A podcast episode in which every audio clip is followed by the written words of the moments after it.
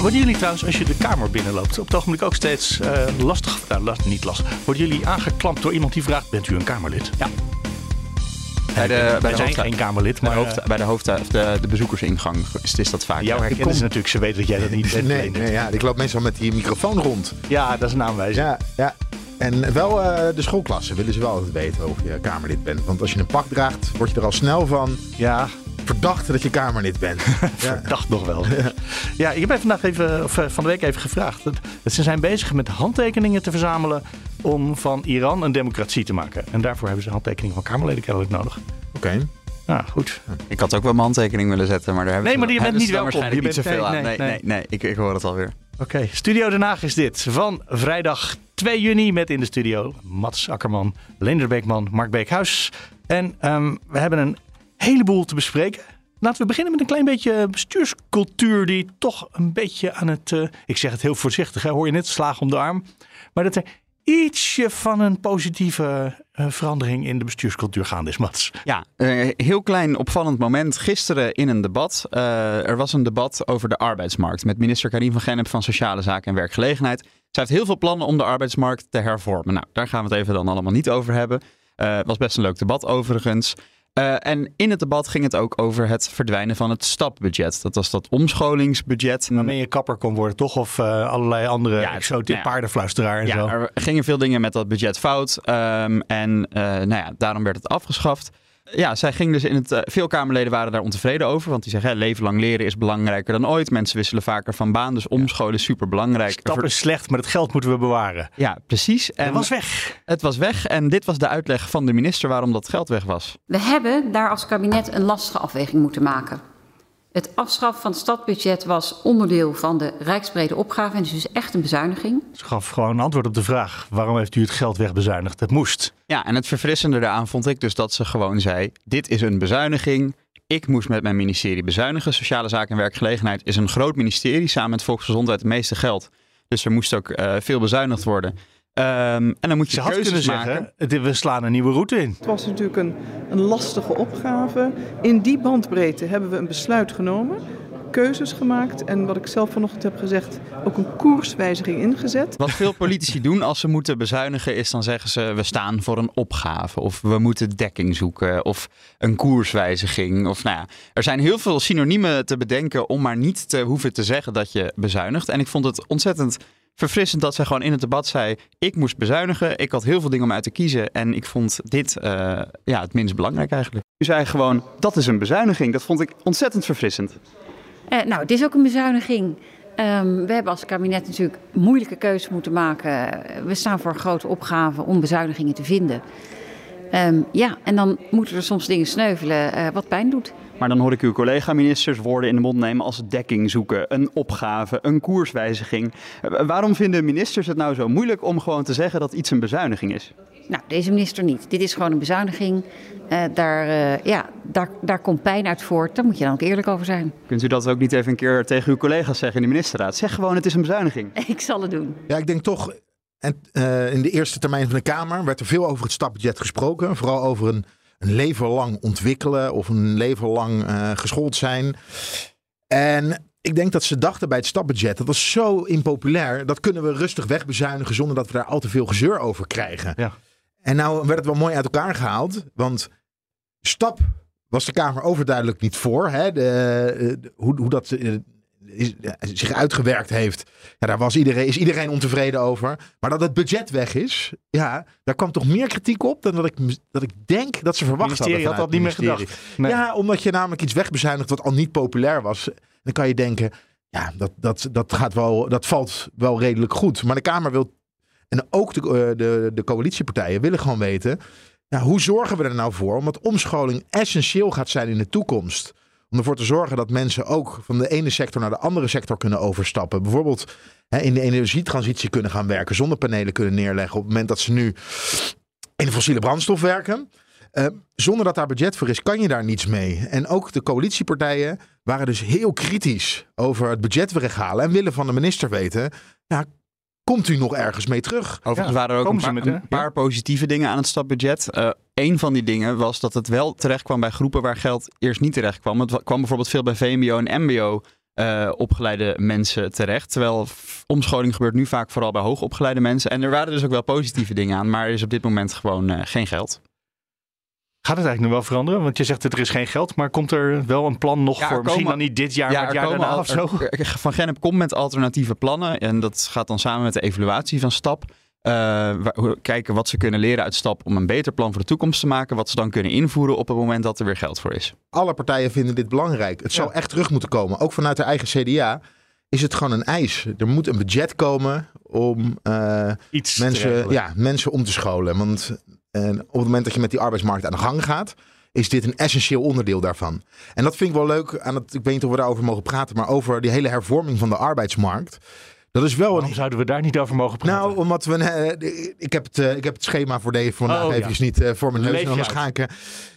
de hervorming van de arbeidsmarkt is echt een ingewikkeld proces. En een proces.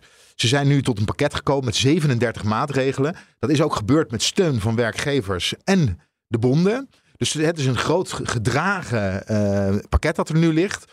Zelfs ha- eh, Borstlap, die de afgelopen jaren, in 2000 kwam hij met zijn rapport hè, eh, voor de arbeidsmarkt. En zei hij dat we een nieuw sociaal, sociale eh, opgave hebben. Er is een nieuw sociaal probleem en dat is die arbeidsmarkt. En zelfs hij, iedereen was positief daarover. En je merkt nu ook in de Kamer dat het een gedragen, een ged- een gedragen pakket is. Maar het is ook een pakket waarbij je aan alle knoppen tegelijk moet draaien. Omdat het anders eigenlijk niet zoveel zin heeft. Wat er bijvoorbeeld, er wordt gesproken over een verplichte eh, arbeidsongeschiktheidsverzekering voor ZZP'ers. Als je dat wil doen, dan zou je ook iets moeten doen aan schijnzelfstandigheid. Want schijnzelfstandigen bieden zich voor, voor, voor lage tarieven aan op de arbeidsmarkt. Ja, dan kan je dat nooit betalen. En kunnen dat ook niet betalen. Dus op het moment dat je dat gaat invoeren en je gaat ZZP'ers vragen, of eigenlijk verplichten om zich te verzekeren, dan zou je ook iets moeten doen tegen zelfs, schijnzelfstandigheid. En zo zit het eigenlijk. Lost dat zichzelf niet op als je het zeg maar onbetaalbaar maakt om je nog als schijnzelfstandige op de arbeidsmarkt te begeven? Want je moet wel zo'n verzekering zelf Ja, kunnen maar, betalen. dan, maar hoe dat dus allemaal in elkaar grijpt, dan moet je er dus ook voor zorgen dat die flexibele schil, zoals we dat nu, nu noemen, die, die veel te groot is, hè, de flexibilisering van de arbeidsmarkt, dat je dat gaat aanpakken. Dat op het moment dat mensen vanuit die schijnzelfstandigheid moeten komen, dat ze ook een fatsoenlijke, een fatsoenlijk alternatief krijgen. Want de reden dat mensen uiteindelijk zelfstandig worden, is omdat ze geen vast contract kunnen krijgen. In draaideurcontracten terecht zijn gekomen. Die nul-urencontracten, ja, dat biedt zo weinig zekerheid. Dan kan je beter als ZZP'er aan de slag gaan. Een draaideurcontract, als je elke keer na drie contracten een half jaar aan de kant moet gaan zitten, ja, dan kan je beter als ZZP'er aan de slag gaan. En dat wordt nu aangepakt. Die draaideurcontracten bijvoorbeeld. Ja, nul contracten mogen niet meer, hè? Nee, nul-urencontracten mogen zo meteen niet meer. En dan komt er toch een, een, een contract waar in ieder geval een vast aantal uren verplicht zijn per maand. Dat je, niet, dat je weet waar je aan toe bent. Ja. En ook met die draaideurcontracten eh hebben er drie gehad. Dan moeten ze je aannemen. Of je kan vijf jaar lang niet meer bij dat bedrijf aan de slag gaan. Ja. Ja, en dat, Dat is eh, echt het onmogelijk maken van een halfjaartje op de bank zitten. ja, en wat ook wel positief is, bij Rutte hebben we heel veel kritiek op de kabinet Rutte. En heel veel lukt niet. Maar we moeten niet vergeten dat de arbeidsmarkt, dat je daar ook over een crisis zou kunnen spreken. Dan kan je nu misschien alles wel als crisis benoemen. Maar er is, er echt, is crisis, ja. maar er is er echt wat aan de hand hè, op de arbeidsmarkt. Met 1,3 miljoen ZZP'ers. Eh, van de jongeren 40% heeft geen vast contract en zit in een flexconstructie. Waardoor hun leven ook uitgesteld wordt. Zoals Hilde Palland van het CDA dat zegt. Want met een vast contract kan je bijvoorbeeld minder snel een huis kopen. Begin je minder snel aan kinderen. En dat is een onwenselijke situatie. En daar moet Vindt iets. het eh, CDA? daar vindt ze, nou ja, goed. vinden de mensen zelf ook. Hè? Die, eh, want op de huizenmarkt kan je, zeker als je geen vast contract hebt, wordt het alleen maar die- moeilijk die om huizen, een. Ja, maar die kinderen. Dat is toch Ja, die kinderen zijn ook- hoeveel kinderen we moeten hebben. Eh, eh, maar dat is een groot probleem. Eh, maar hi- hier, een coalitie, oppositie, iedereen vindt dat er vooral in die flexibilisering iets moet gaan gebeuren. Eh, er komen, ze hebben nu gesproken over het pakket. De wetgeving moet nog richting de Kamer gaan komen. Maar dit is echt een grote stap. En dit is een stap eh, wat lijkt te gaan lukken. Maar dan hebben we dus eigenlijk in twee weken hebben we eerst de pensioenwet eindelijk na 12, 13 jaar opgelost. Ja. En jij zegt nu eigenlijk dat de arbeidsmarkt ook gewoon opgelost gaat worden. Nou, dat ziet er wel zo naar uit. Dus er is in ieder geval heel veel draagvlak voor. Het is nu het eerste plan, zeg maar, het totaalpakket aan dit is de koers die we willen gaan varen. Dat is nu dan, eh, daarover is in deze Kamer consensus. Over al die losse plannen, die moet Karim van Gennep nu gaan uitwerken in allerlei losse wetgeving. Wat zei je, 37 plannen? Ja, nou, 37 maatregelen zijn er aangekondigd. En dat moet allemaal in verschillende wetten moet dat naar de Kamer toe. Daar was eigenlijk daar was al bonje over. Eh, dat ging dus over ehm, eh, de de verplichte verzekering voor ZZP'ers. Of dat gekoppeld moest worden en, en, en samen in een wetsvoorstel met een ander voorstel moest gaan komen.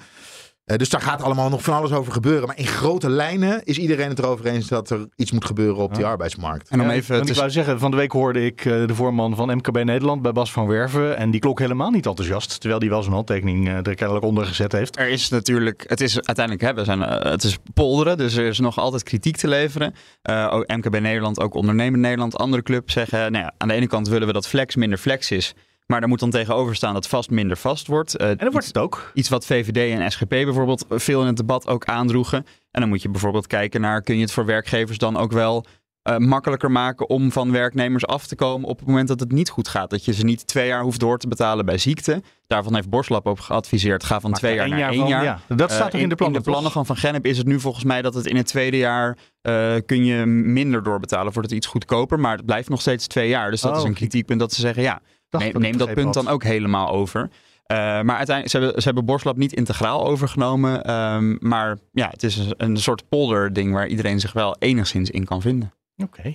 Eh, Jij noemde de pensioenwet, wat ik, eh, en nu dus de, de hervorming op de arbeidsmarkt. In mijn ogen, eh, de pensioenwet is heel groot, er is heel lang over gesproken, maar in mijn ogen gaat het ook een hele grote hervorming worden.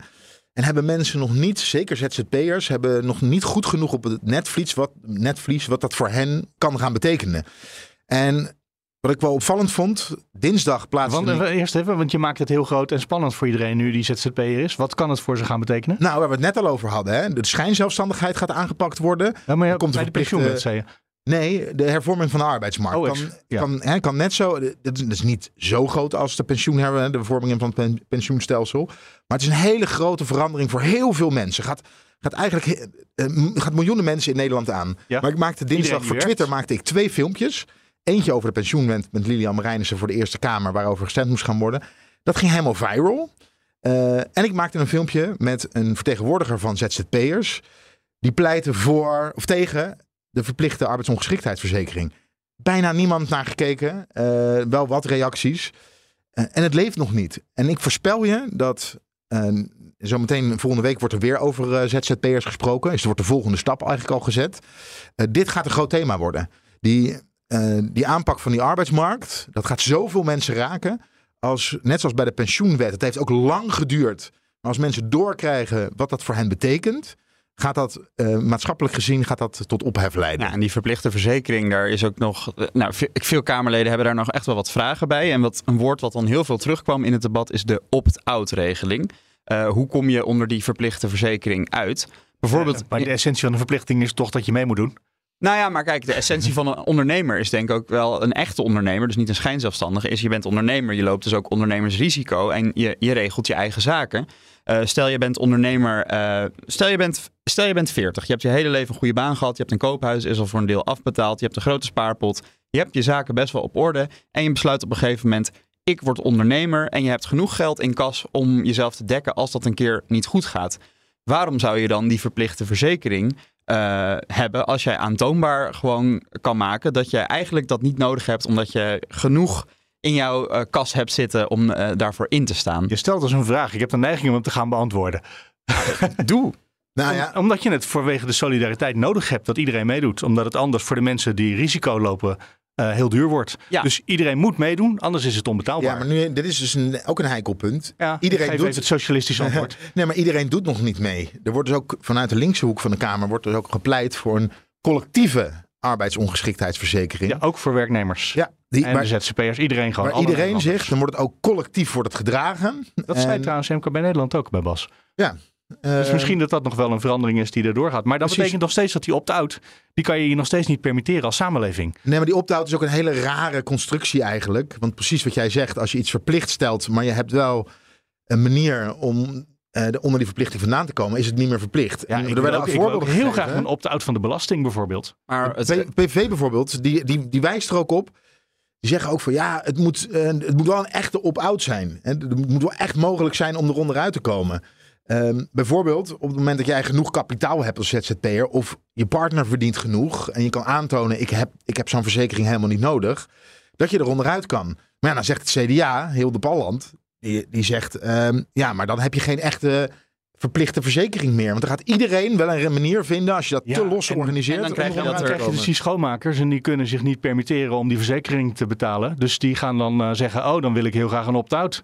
Eh, want dan kan ik wel blijven werken. Kan ik het wel blijven en, het, betalen. en het risico wat er dan is, is dat als heel veel mensen de opt-out doen, dan blijft er een hele kleine groep over voor die verplichte verzekering. Als je met een kleine groep moet verzekeren, wordt het automatisch een stuk duurder. Ja. Maar daarom komt er voor de mensen die de opt-out doen, zou dan weer een stabiliteitsbijdrage komen. Dus dan draag je wel een, socia- bij. een sociale Ja, plicht, dus er zit maar, een soort sociale plicht in waarbij je toch via een omweg wel bijdraagt aan die pot waar je uitstapt.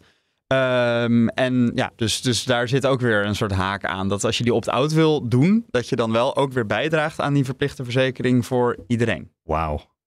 Wat zouden ze daar bij de VVD over denken, Leendert? Over een verplichte arbeidsongeschiktheidsverzekering. Ja. ook dat ze daar zelf... Gaat dat eh, morgen een hè, thema dat- worden op het congres? Ha, ja, het VVD-congres. Dat is een mooie. Eh, zaterdag eh, mag, de, ja, mag de VVD over asiel gaan praten. Dat gaat denk ik vooral gebeuren. Over de spreidingswet, hè? of de dwangwet, die ze, zullen ze bij de VVD noemen, denk ik. Nou ja, het gaat vooral over de instroom van, ehm, van asielzoekers en de belofte van Mark Rutte bij het vorige partijcongres. En dat kan een woordenspelletje gaan worden. dat zal het. Ik heb, het Mark congres, Rutte? ja, ik heb het congres even teruggekeken om te kijken wat heeft Mark Rutte nou wel of niet beloofd. Maar inmiddels zitten we met een migratiestroom die nogmaals twee tot drie keer hoger is dan normaal. Die moet substantieel naar beneden. Dat vindt niet alleen de fractie, dat vind ik ook, dat beschouw ik ook als een opdracht. Daar zullen we als partij aan moeten werken, dat die migratiestroom substantieel wordt teruggebracht. En eigenlijk heeft hij niet zo heel veel beloofd. Zou je niet verrassen, denk ik. eh, Dus hij Mark. is heel knap met woorden. Dat je het gevoel hebt dat je iets krijgt, maar dat hij niks belooft. Ja, ik was daar ook bij. En voor mijn gevoel, in mijn herinnering, had hij daar gezegd...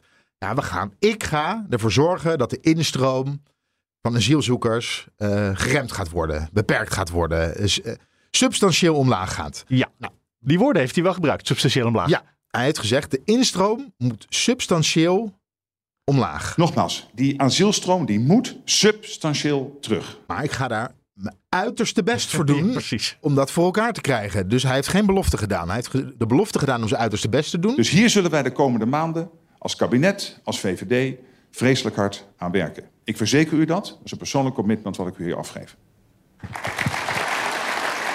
En dat heeft hij gedaan, zal hij betogen. Daar Daarbij is hij heeft nog hij dan- mee bezig, want het proces is nog niet klaar.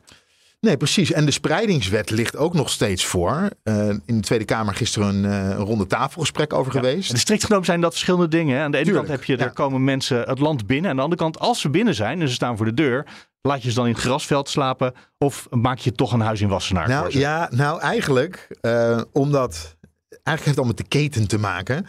Ter Apel zit vol, omdat de mensen die een status krijgen niet door kunnen stromen. Ook, ja. En als je Ter Apel leger wil hebben en ervoor zorgen dat, eh, dat mensen daar niet buiten hoeven te slapen, dan moet je voor doorstroom zorgen. En moeten mensen met een status opgevangen gaan worden.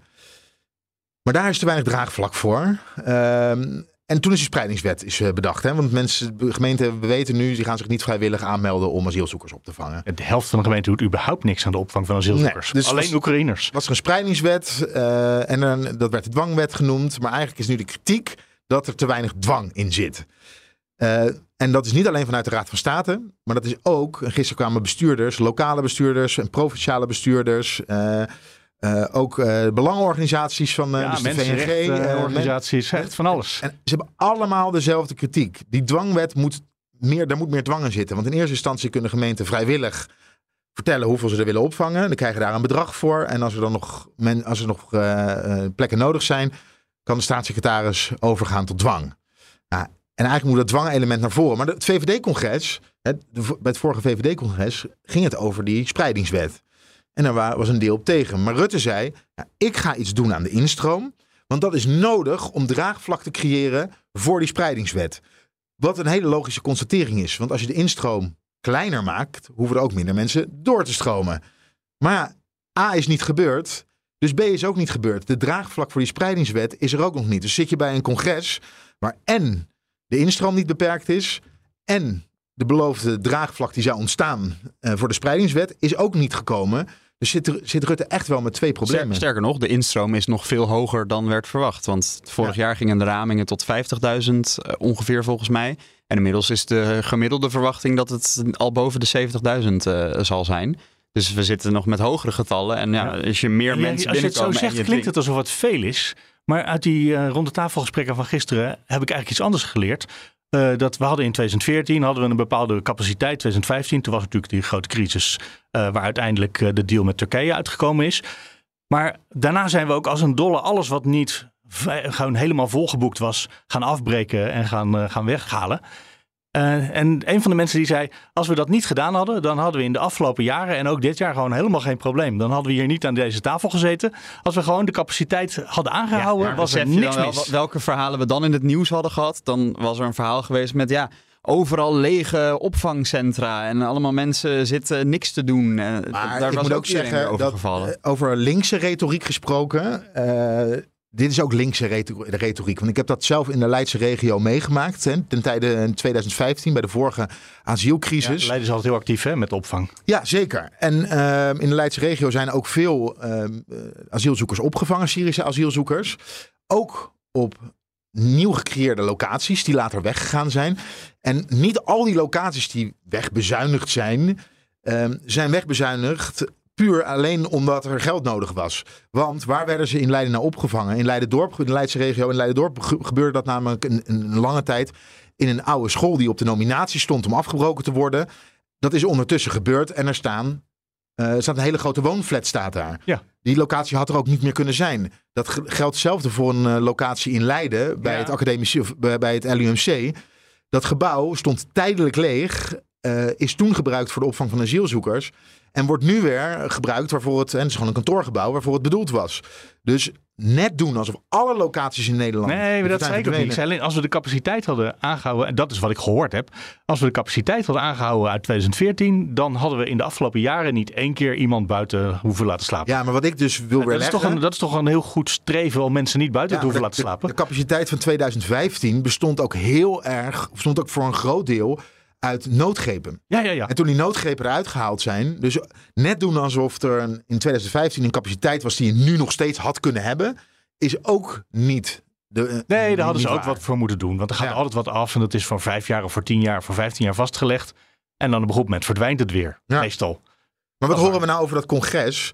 Eh, je hebt de klassiek liberalen, die zijn eigenlijk altijd boos. En die Ja, vinden, dat, zijn de conservatieven in de eigenlijk. partij. hè. Die heten, ze noemen zichzelf klassiek liberalen, maar dat zijn ze niet. Ja. Dat zijn de conservatieven. Ze zouden zelf denk ik eerder zeggen kritisch Ja, in plaats van kritisch, boos. ja. Opbouwend kritisch, ja. Eh, en zij hebben een brief gestuurd waarin ze zeggen het kan zo niet langer meer.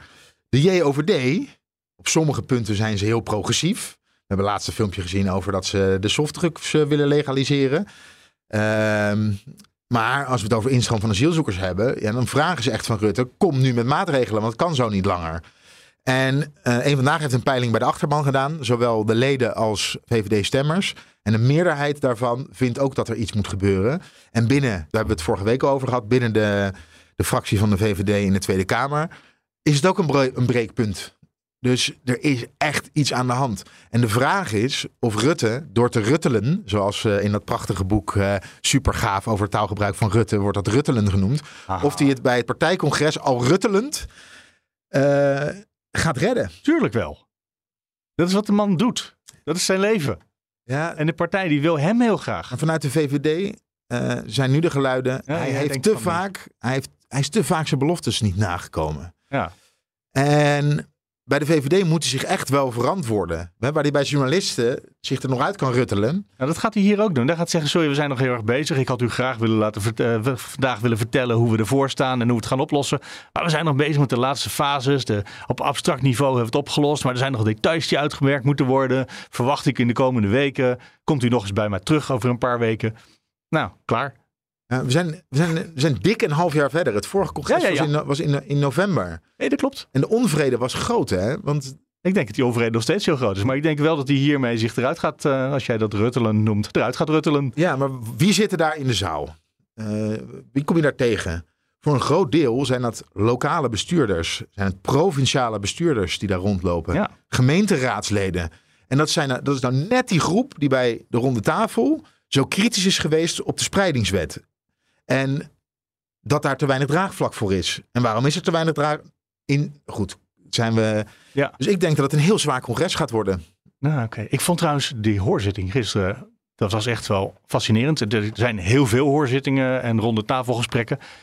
Wat gisteren opviel was dat iedereen hetzelfde zei. Verder sluit ik me naadloos aan bij al mijn voorgangers, want oh, wat spreken wij met één mond. Toen het advies van de Raad van State naar buiten kwam, toen zeiden wij tegen elkaar: hey, we hebben het nog niet zo gek gezien. Ook de Raad van State ziet dezelfde problemen in de wetten als wij allemaal zien. En ik kan me niet aan de indruk onttrekken dat u tijdens rondetafelgesprekken eh, niet eh, zo heel vaak een zo uh, unisono geluid hoort. En ze hadden allemaal dezelfde kritiek. Er wordt straks, hey, je mag in de eerste fase, ergens in januari, dan gaat de minister of de staatssecretaris gaat zeggen: We hebben dit jaar zoveel, zoveel plekken nodig. Mogen de gemeenten mogen ja of nee zeggen? En die zeggen: Wij hebben nog plek voor 400. En uh, daarna dan wordt het opgeteld en zo, dan komen we zoveel tekort. En dan mag de minister via de provincies de rest dwingen. En dat gaat in twee fases, er zit drie maanden tussen. En die tweede fase krijgt ook nog wat tijd.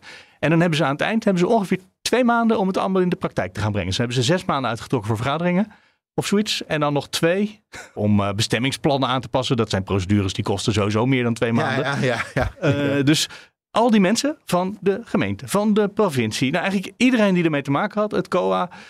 Die. Die twee fases, wat er nu bedacht is, wat bedacht is om het uh, zo min mogelijk dwang te geven, dat willen wij niet.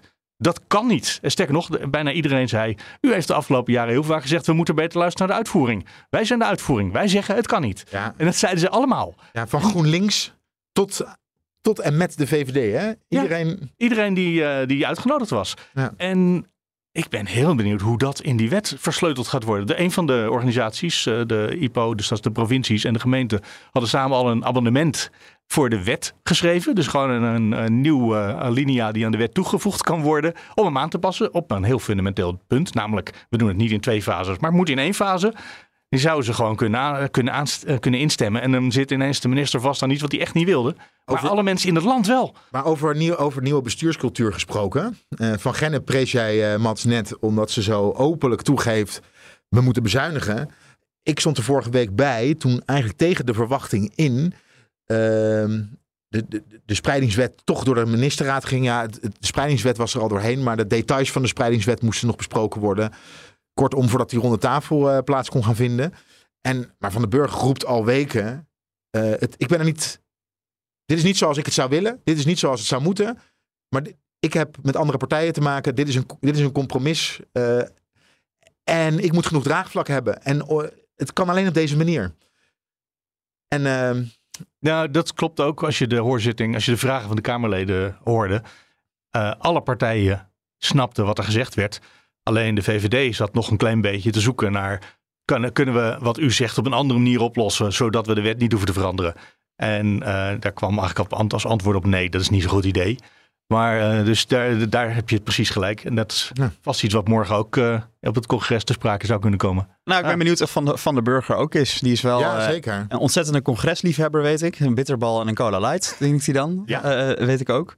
Ehm, dus, en volgens mij vindt hij het ook wel echt... Hij is wel iemand die het volgens mij wel echt, ook echt leuk vindt... om zijn plannen te verdedigen en daarover in gesprek te gaan. Hij schuwt de, de media en de pers totaal niet. En het eh, debat ook niet. Dat is ook Dus, eentje die eh, heel oprecht zegt: uh, Ik heb gewoon een probleem. Maar wat jij net nou zegt. ja, was- we zijn ja. een beetje bestuurscultuurpunten aan het uitdelen of zo. Maar ja, dat. Ik, ik denk dat hij er wel gewoon ook Och. gaat staan en dat gesprek aangaat. straks ook nog een voorbeeldje van iets wat wel grappig is in de nieuwe bestuurscultuur. Iets wat eigenlijk niet kan, maar toch gebeurt. Maar jij bent ook Leendert van de Cola Light, heb ik maar laten vertellen. Nou, heb ik, wou zeggen, heb ik laten vertellen. Nee, dat heb ik heel vaak gezien. Ja. Jij gaat geloof ik niet naar de VVD, maar ga je dan ook nog een bitterbal halen om bij de livestream wel Cola Light bitterbal YouTube?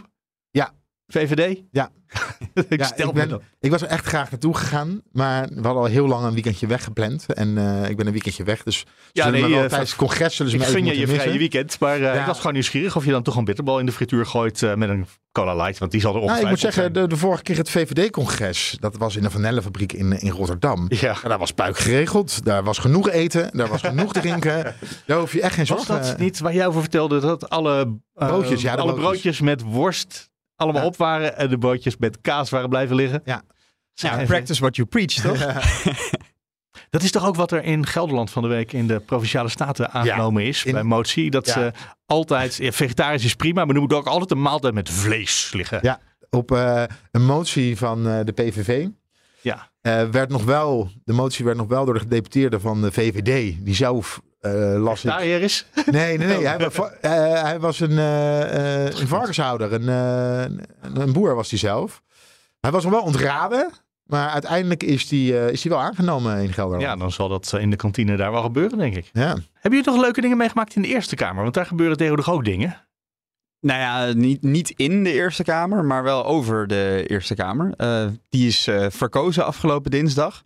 De getrapte verkiezingen, dus we hadden in maart hadden we de Provinciale Statenverkiezingen. Eh, toen heeft eh, alle provincies hebben statenleden gekozen en die moesten dinsdag dan stemmen voor de nieuwe Eerste Kamer. Hoe die eruit... Ging bijna goed. Dat ging bijna goed. Ja, er was één GroenLinks-statenlid die, eh nou, die, Geen die, idee die lag dat overhoop democratie met de fractie. ja. De terugkijkwaardige interviews. Dat gisteravond ook weer bij Jinek. Maar wat die uitslag ongeveer zou worden, dat was wel bekend. Op basis van eh, de statenleden. Alleen er zijn dan een paar restzetels. En dan kun je met een heel ingewikkeld systeem... kun je op een andere partij stemmen... om misschien net een zetel te laten verschuiven. Een paar dingen waar dan... eh, Dat was allemaal goed afgesproken, daar kwam het op neer, hè? dat was heel goed afgesproken eh, binnen de coalitie. De vraag was eerst, gaat de coalitie elkaar nog gunnen? Want de laatste tijd lagen ze op een aantal Ja. onderwerpen overhoop. Het CDA zei, misschien, we, ga- misschien nou, wij willen de stikstofparagraaf uit het coalitieakkoord heronderhandelen. Nou, VVD zit heel erg met, eh, met de asielinstroom in zijn maag. Eh, dus gaan ze elkaar nog wel wat gunnen als de verhoudingen eh, ja, niet zo goed zijn. Maar dat is dus wel gebeurd. Alleen ze hebben in een soort treintje gestemd. Dus eh, D66-statenleden, een paar hebben op VVD-statenleden gestemd. En VVD-statenleden hebben dan weer op CDA-statenleden gestemd. En het verhaal zou dan zijn dat dat zou zijn omdat D66 niet het CDA die stemmen gunde. Ondanks dat het resultaat exact hetzelfde is. Wauw. Ja, dat is, dat is politiek, toch? Op Nou zijn, ja, eh, niet hele mooie politiek ook nog. Maar goed, ze zitten samen in één coalitie. dus Ze moeten misschien wel Ja, iets. en nou ja, de conclusie van eh, dit hele ruilhandelspel om de restzetels is dat het CDA één zetel extra krijgt en de ChristenUnie krijgt ook één zetel extra. Eh, dus de coalitie houdt 24 zetels in de Eerste Kamer. Terwijl ze Ietsje christelijker geworden dan de Nederlandse bevolking bedoeld had. ja, de christelijke partijen waren ook erg blij. De SGP ging het er ook om hangen of het er één of twee zetels zouden worden. Nou, dat zijn er twee geworden. Dus eh, ik weet niet meer wie het zijn, maar iemand had het over de, de christelijke broeders die het, eh, die het allemaal goed hebben gedaan. Dus daar, ja, een christelijk feestje was het. En voor de coalitie is het heel fijn dat ze die 24 zetels hebben. Want dat betekent dat ze nu een meerderheid hebben in de Eerste Kamer met de Boer-Burgerbeweging, als ze dat willen. Die hebben er 16. Of met de combinatie GroenLinks Partij van de Arbeid, want die hebben er 14. Eh, ook één minder dan verwacht door dat afvallige GroenLinks-statenlid. Maar 24 plus 14 is ook 38 en dat is precies genoeg stemmen om een meerderheid te hebben. Dus eh, ja, de coalitie heeft eigenlijk het droomscenario dat ze over links kunnen en over rechts kunnen. Dus tegen elkaar uit kunnen spelen of intern totaal verdeeld kunnen worden. Dat kan natuurlijk ook nog. Dat straks de links- en de rechtse delen van de coalitie zeggen... wij willen over links, wij willen over rechts. Ja, dat kan zeker. Dus het is, eh, is het een droomscenario? Dat is eigenlijk een goede vraag daarmee. Nou, waar ik eigenlijk eerder op... ehm, het is- een goede vraag. Ik heb daar geen... eh, Nou, goed, Nou, soms is de in vraag het- belangrijker dan nou, wel, antwoord. wel in het droomscenario, daar kan ik wel in mijn antwoord eh, op verder gaan. Er is veel kritiek geweest op de manier, het wordt koehandel genoemd, een pokerspel, waarop de Eerste Kamer verkozen wordt door de statenleden. En dan wordt er ook gezegd, ja, dit is niet democratisch. Dat wordt, in achterkamertjes wordt dat besloten. Maar uiteindelijk heb je een verkiezing. Op het moment dat je gewoon een één op één vertaling wil hebben van eh, de provinciale statenverkiezing richting de Eerste Kamer. Dan zou je dat helemaal moeten overslaan. Dan zou je gewoon moeten zeggen, we gaan hem één op één gaan we hem We vertalen. rekenen En we om, hebben geen ja. verkiezingen. We hebben ervoor gekozen dat het een verkiezing is.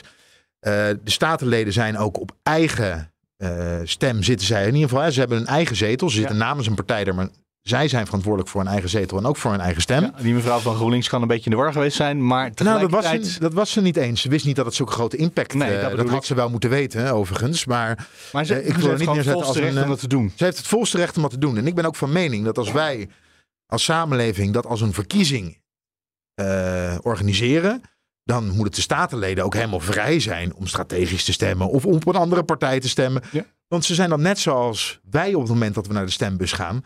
En ehm, het kan heel goed zijn dat je voor de provincie iets heel anders stemt dan dat je voor landelijke politiek zou, eh, zou doen. Dus is het helemaal niet zo gek dat je op het moment dat je eh, nu een stem voor de Eerste Kamer moet uitbrengen als provinciaal bestuurder, dat het een andere stem zou kunnen zijn. Nu wordt dit wel ingezet om te koehandelen. Ik vind Maar het dat mooi. hoort wel We bij het al de hele tijd democratisch over koehandel, maar niet over die partij die over de koeien gaat. De partij, BBB. De, de partij voor de koeien, ja precies. Ja. De BBB. Ehm, want daar maken mensen zich zorgen over of het misschien weer zo'n grote partij is die weer uit elkaar gaat vallen. Hè? Nou, ik ging dus even langs, uh, want we hebben ja, over die koehandel, hè, de coalitiepartijen, dat daar afspraken werden gemaakt. Dat viel te verwachten. Dat Partij van de Arbeid en GroenLinks daar ook met elkaar over gepraat hebben. Ook in lijn de verwachting. Maar uh, bijvoorbeeld de Boerburgerbeweging of Ja21 konden ook nog wel een restzetel claimen met zo'n koehandelspel. Um, dus ik ging langs bij Nicky Pauverwij, eigenlijk om, e- van Ja21, om even te vragen: hebben jullie daar ook al mee gedaan? Gaan jullie misschien proberen om die vierde zetel uh, te krijgen? Nou, dat uh, hebben ze niet gedaan. Of zij zijn in ieder geval, ik weet van niks, ik ben er niet bij betrokken als dat gebeurd is. Nou, achteraf bleek ook, die partijen hebben daar niet aan meegedaan. Waarschijnlijk om op safe te spelen, om zeker hun eigen zetels te houden. Uh, maar toen raakten we een beetje aan de praat. En toen dacht ik, ja, jij bent ooit begonnen als senator voor Forum voor Democratie. Uh, jij kwam in 2019 kwam jij uh, de Eerste Kamer in als de grootste fractie. Is vervolgens helemaal uit elkaar gevallen. En nou, in, veel eerder hadden we de LPF die uit elkaar is gevallen. Dus ik dacht, ja, die boerburgerbeweging komt met 16 zetels zo die Eerste Kamer in. Uh, gaat het wel goed? En dat, uh, dat legde ik haar voor. Even over de boerburgerbeweging. U kwam zelf in 2019 binnen in de Eerste Kamer als onderdeel van Forum voor Democratie. Toen uit het niets de grootste partij. Nou, we weten hoe dat is afgelopen. Dat is in allemaal fracties uit elkaar gevallen. Uh, in dat opzicht maakt u zich ook een beetje zorgen over de boerburgerbeweging, dat die zo groot wordt? Nee, eigenlijk niet zo. Um, ik, je hoort wel vaker verhalen over uh, LPF-toestanden of FVD-toestanden dan nu ook. Um, maar ik denk in beide gevallen. Kijk, in het eerste geval werd de leider vermoord. Dat moet uh, Caroline nu doen. Uh, en in het tweede geval. Um, nou ja, ging Thierry Baudet een hele andere lijn voeren dan dat hij voor die tijd had gedaan. En dat zie ik Caroline niet doen. Daar is ze veel te nuchter voor. Dus als zij niet ineens hele gekke sprongen gaat maken op een dossier als corona, dan verwacht ik niet dat daar eenzelfde soort implosie plaats zal vinden als binnen FVD. Dus nee, ik verwacht niet uh, dat daar LPF of FVD-toestanden zullen optreden eigenlijk. En dan nog even over de Eerste Kamer als instituut. Vroeger had het toch een beetje de reputatie waar ja, oude, grijze, gepensioneerde politici nog een soort laatste kunstje deden. Uh, u bent juist begonnen in de Eerste Kamer en heeft het misschien een beetje als springplank gebruikt om in de Tweede Kamer te komen. Uh, ja, wat, wat vindt u ervan dat dat steeds vaker gebeurt? Oeh, ik weet eerlijk gezegd niet zozeer of mensen het gebruiken als een springplank. Maar ik denk dat de Eerste Kamer, voor mij was het heel fijn dat ik daar een beetje kon snuffelen aan het politieke werk. Zonder dat ik er meteen een fulltime keuze voor hoefde te maken. Dus ik werkte toen gewoon nog vier dagen in de week als arts. En één dag in de week was ik Eerste Kamerlid. En uh, als mij toen was gevraagd om naar de Tweede Kamer te gaan, had ik dat ook niet gedaan, omdat ik niet bereid was geweest om die stap te maken. Maar juist doordat ik het eerst heb kunnen combineren, heb ik kunnen leren hoe leuk en waardevol ik het politieke werk vond. En heb ik die stap naar fulltime politiek werk ook aangedurfd. En ik denk dat in die zin het een hele goede leerschool is. Uh, ik denk dat ik daar een voorbeeld van ben, maar bijvoorbeeld ook de collega's Teunissen en Bikker. Um, en dat je wel ziet dat dat, uh, nou ja, Kamerleden produceert die zich ook wat meer bewust zijn van um, al het werk dat er nog is nadat een, een motie of een wetsvoorstel aangenomen wordt. En wat is er nou leuker, de Eerste of de Tweede Kamer?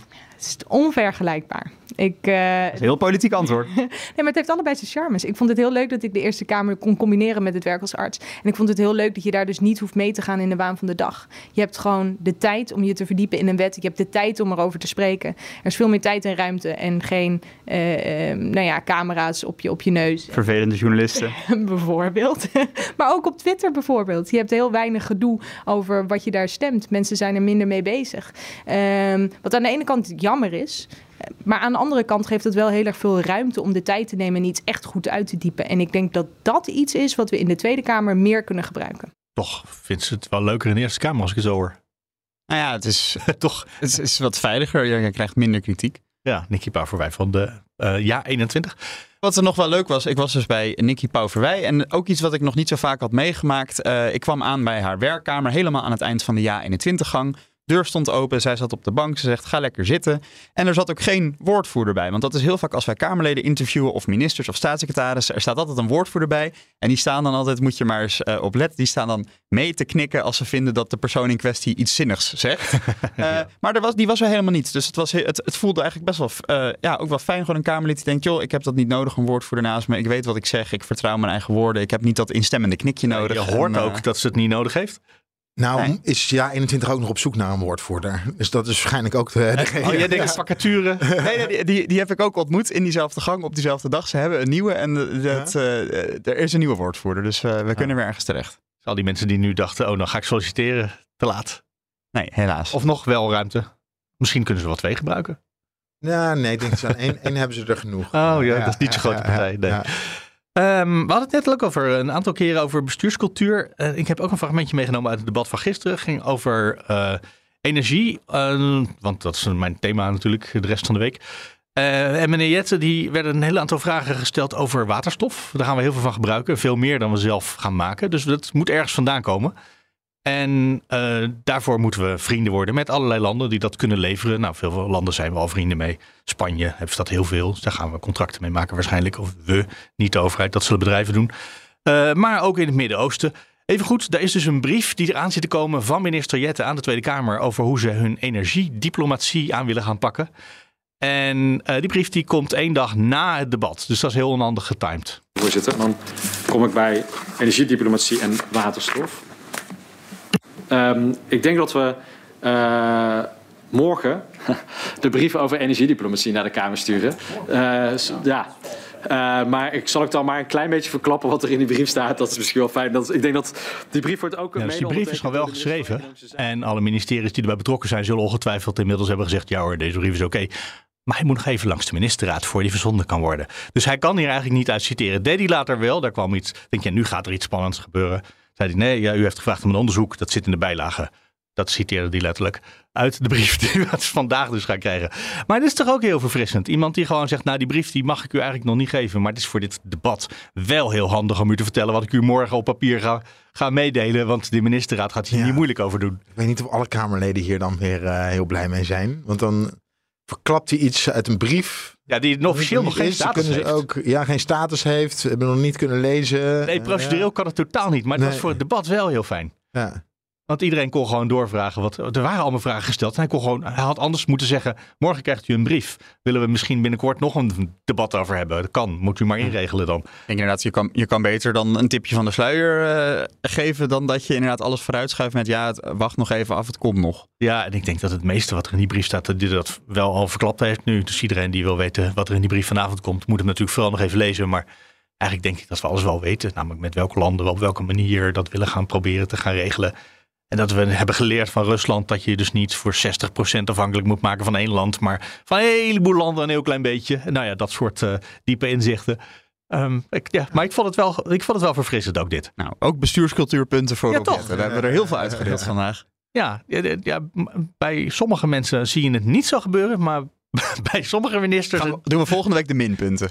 Ja, nee, ik was in een opgebekte bui vandaag. Dan kunnen we het gewoon allemaal positieve bestuurscultuurpunten uitdelen. Heb je nog iets leuks voor het uh, laatste, Leendert? Nou, het was niet zo leuk. Het was een observatie. Mag ik Ja. een observatie? uh, Ja hoor, als wij er een beetje om kunnen lachen. Nou, nee. Leed, leedvermaak? Nee, ja, nou ja, uh, het VVD-congres hè, van Ja. morgen. Ik zeg het wordt spannend. Uh, Ruben Brekelmans, verantwoordelijk voor asiel, Ja, Tweede Kamerlid, ja, is kritisch. Wil ook dat er iets gaat gebeuren.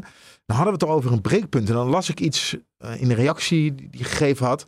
Dan zegt hij van ja, uiteindelijk, of het, het kan eigenlijk op neer. We kunnen het kabinet ook niet laten vallen. Want hè, dan gebeurt er helemaal niks. Maar dat vind ik zo'n gekke manier van beredeneren. Je hebt kritiek op dat er niets gebeurt. Maar je wil. Hè, en en dat, er, dat, dat, er ook geen oplossing voor het probleem uh, in zicht is. En toch wil je er niet mee kappen. Omdat je denkt dat toch jouw partij, waar je geen vertrouwen meer in hebt. In ieder geval de partijleider. En, uh, daar wil je toch nog het vertrouwen aan geven dat hij het oplost. Dit is gewoon.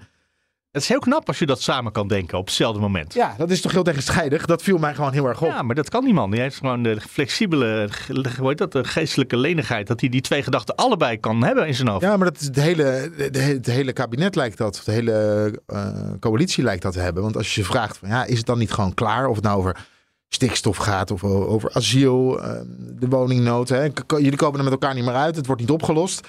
Dan zeggen ze, ja, maar ja, als we het aan een ander overlaten, dan uh, weten we helemaal niet of het opgelost wordt. Dan denk ik, ja, dat is wel heel arrogant hoor. Wat overigens uh, mij nog even helpt herinneren aan de uh, hoorzitting van gisteren. Nu je dit zo zegt, er verandert niks.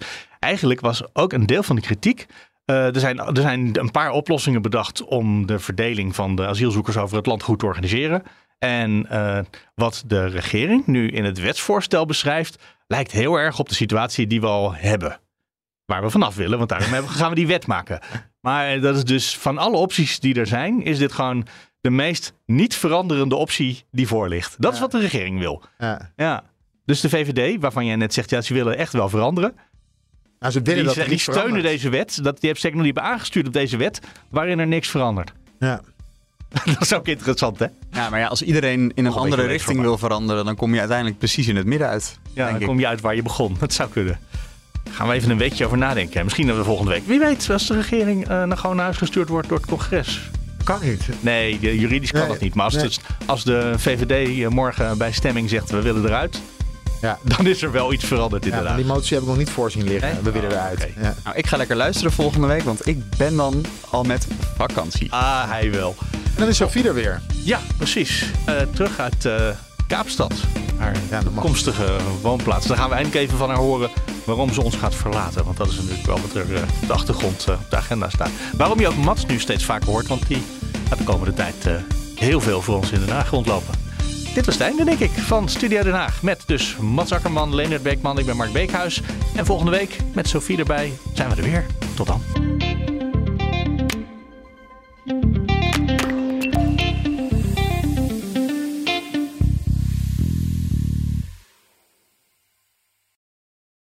Ook Hugo Reitsma vind je in de BNR-app. Superhandig die BNR-app. Je kunt alle programma's live luisteren, breaking nieuwsmeldingen. Je blijft op de hoogte van het laatste zakelijke nieuws. En je vindt er alle BNR-podcasts, waaronder natuurlijk de belangrijkste, Boeken zijn in de wijk.